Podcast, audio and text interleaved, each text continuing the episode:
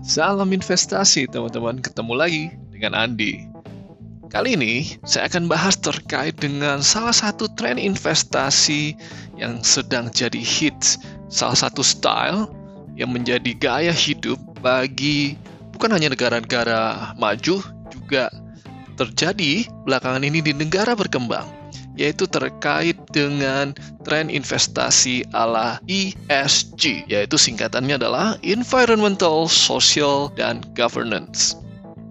Terlebih dahulu saya ingin menjelaskan ESG itu apa sih dasarnya? I, yaitu terkan, eh, terkait dengan environmental ataupun uh, biasanya terkait dengan dampak lingkungan yang dihasilkan oleh suatu perusahaan. Jadi bisa aja tuh uh, suatu perusahaan tentunya kan pasti ada limbahnya, ya kan? Apa sih ada dampak terhadap lingkungan. Nah, semakin besar dampak lingkungannya itu bersifat negatif, maka kemungkinan besar juga resiko yang akan muncul dari konteks environmental ataupun I dari hal ini. Sebagai contoh, perusahaan A, dal, uh, ternyata perusahaan A ini gagal dalam mengelola limbahnya mereka. Efeknya apa? Mereka mendapatkan tuntutan dari warga sekitar akibat sungainya tercemar, akibat uh, kehidupan rakyat di sekitar perusahaan tersebut ataupun sekitar pembuangan limbah tersebut merusak. Nah, akibatnya perusahaan harus mengeluarkan banyak uang yang ujung-ujungnya akan memberikan efek yang negatif terhadap profit dan earning dari uh, suatu perusahaan tersebut. Jadi kurang lebih gitu gambaran secara umumnya. Nah, poin yang kedua adalah terkait dengan sosial. Maksudnya apa? Nah, perusahaan dalam hal ini yang dili yang dilihat ada atau ataupun yang dinilai adalah aspek-aspek ya dari kesetaraan gender contohnya. Dilihat dari uh, upah dibandingkan dengan perusahaan yang lain. Apakah perusahaan tersebut melak, uh, uh, merekrut karyawan-karyawan yang di bawah umur. Nah, ini menjadi salah satu concern ke depannya ini. Bayangkan teman-teman, kalau ada perusahaan yang tiba-tiba didakwa ataupun dituntut karena apa? Ketidaksetaraan uh, upah. Wah, dia ternyata digaji di bawah UMR, ya kan? Padahal pemerintah sudah menetapkan UMR ataupun upah minimum yang harus diberikan kepada karyawannya. Nah, ini salah satu contohnya. Contoh yang lain dari segi sosial ini adalah gimana? Ada baiknya juga dari segi uh, kesetaraan gender. Nah, ada bagusnya perusahaan yang merekrut ataupun mempunyai kesetaraan gender bukan hanya di top manajemen, tetapi juga terhadap total karyawannya secara keseluruhan. Memang kalau dilihat, hal ini sangat sepele, teman-teman. Tapi kalau kita lihat, banyak sekali kerusakan ataupun biaya yang harus dikeluarkan oleh perusahaan terkait dari segi sosialnya. Contoh pelecehan seksual, kemudian dalam segi eh, kok gajinya beda banget nih yang cowok sama yang cewek padahal sama-sama new joiner dan sama-sama mulai dari awal ya kan? Nah, ada ketidaksetaraan di situ. Jadi aspek sosial ini juga sangat penting ya teman-teman ya sama pentingnya dengan environmental yang sebelumnya karena apa dia bisa juga menimbulkan banyak biaya yang timbul akibat dari lemahnya aspek sosial yang ada pada suatu perusahaan. Dan yang terakhir adalah aspek dari governance. Maksudnya apa? Yang dilihat di sini adalah tata kelolaan perusahaan itu apakah baik atau enggak.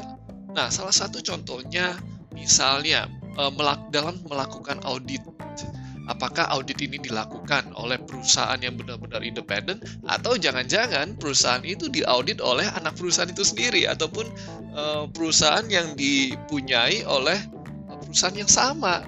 Nah, itu juga bisa menjadi resiko. Contoh lainnya selain itu ya tentu saja salah satunya adalah uh, kepemilikan saham ataupun uh, pembagian bonus di dalam suatu perusahaan. Tentunya semakin perusahaan ini transparan dan menunjukkan itikat yang baik kepada para stakeholder dan shareholder, tentunya ini akan memberikan keuntungan buat perusahaan dalam aspek governance-nya. Jadi investor dengan kata lain ya lebih percaya nih terhadap perusahaan ini bahwa memang mereka bekerja purely untuk kepentingan perusahaan secara oke. Okay. Jadi kurang lebih itu gambaran konsep ESG yang ada ya tentunya sangat ngaruhi uh, kinerja perusahaan pasti punya efeknya. Jadi semakin tinggi skor ESG-nya, semakin bagus dan semakin uh, berharga tuh di mata investor sekarang ini. Nah, penasaran nggak terkait dengan Indonesia itu di posisi siapa dan sebenarnya siapa sih negara-negara yang kuat dari segi ESG-nya? Berdasarkan survei yang saya lakukan, ternyata um, ya negara-negara dari yang termasuk dengan Skandinavia itu sangat kuat ESG-nya. Maksudnya apa? Skandinavia jadi negara-negara yang terletak tuh di daerah uh, Eropa bagian utara. Nah, itu ada termasuk Finlandia, Islandia, Swedia, Denmark, Norwegia. Nah, mereka ini kuat banget dalam segi ESG scoringnya. Nah, gimana dengan Amerika Serikat itu sendiri? Amerika Serikat sayangnya itu ada di posisi 32, teman-teman. Ya, dan China itu ada di posisi 39. Jadi ya kita nggak necessary nih uh, bahwa Amerika Serikat negara paling ekonomi paling besar di dunia, tingkat ESG-nya tinggi. Ternyata nggak juga. Negara-negara di Eropa jauh lebih baik ini terkait dengan uh, konsep ESG yaitu environmental, social, dan governance-nya. Lalu Indonesia ada di peringkat berapa? Ternyata Indonesia tuh ada di peringkat 69 dari 180 negara yang ada masuk dalam survei ataupun radar. Well, gue bangga juga nih sebagai uh, orang Indonesia. Ternyata ESG-nya kita lumayan nih. Dan um, saya melihat di sini tren yang semakin kuat terkait dengan konsep ESG nih, khususnya kaum-kaum milenial. Ya, ke depan ini pasti lebih dahsyat lagi. Setelah kita tahu konsep ESG itu apa, kemudian negara-negara yang kuat ESG-nya itu mana, ya kan? Kemudian penasaran kan, uh, gimana pendapat saya terkait dengan ESG ini?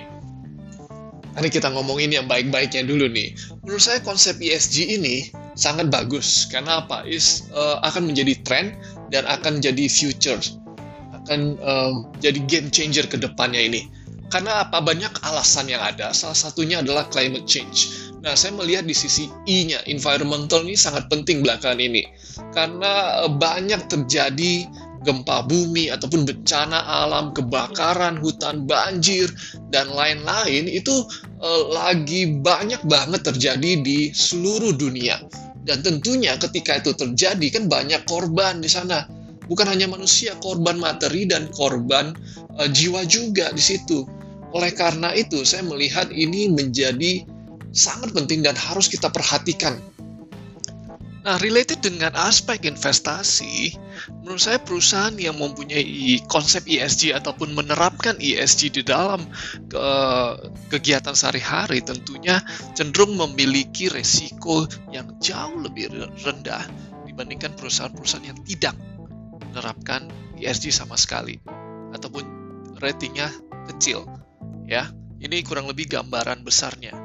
Memang uh, secara return-nya harusnya perusahaan-perusahaan yang menerapkan ESG yang tinggi ya jauh akan lebih resilience ya. Satu tangguh resilience dan yang kedua akan jauh lebih konsisten performance-nya dibandingkan dengan perusahaan-perusahaan yang memiliki ESG-nya uh, scoring ESG yang rendah.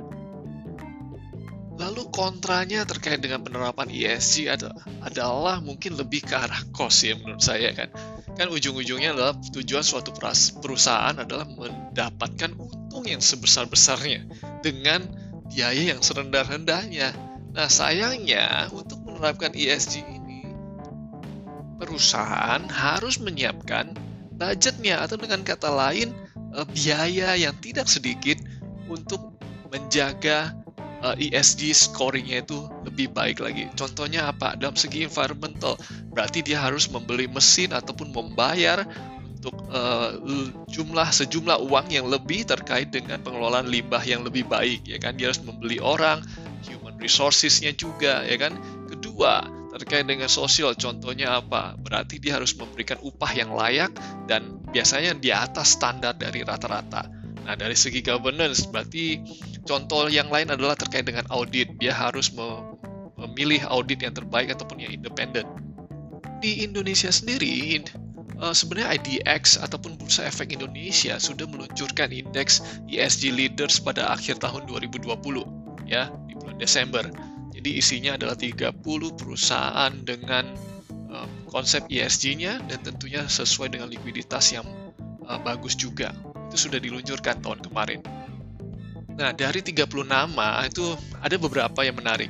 Rata-rata didominasi oleh perbankan, bank buku 4 nih, contohnya BCA, kemudian ada Bank Mandiri.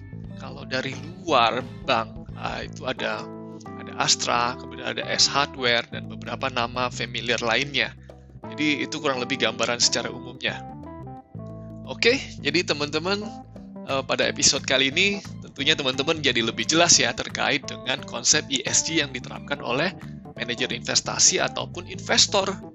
Jadi eh, dari teman-teman sendiri juga bisa melakukan scoring chart sendiri nih terkait dengan komponen-komponen yang masuk ke dalam komponen ESG. Nah, itulah yang dilakukan oleh fund manager.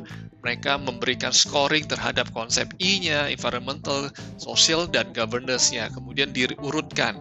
Nah, biasanya akan didapat tuh perusahaan-perusahaan dengan konsep ESG yang sesuai dengan kriteria masing-masing investor ataupun fund manager. Tentunya teman-teman setelah mendengarkan podcast ini jauh lebih ngerti nih terkait dengan konsep ESG. Ya, itu kurang lebih terkait dengan gambaran yang ingin saya sharing pada episode kali ini. Kalau gitu saya udahan dulu nih. Saya Andi, undur diri. Bye.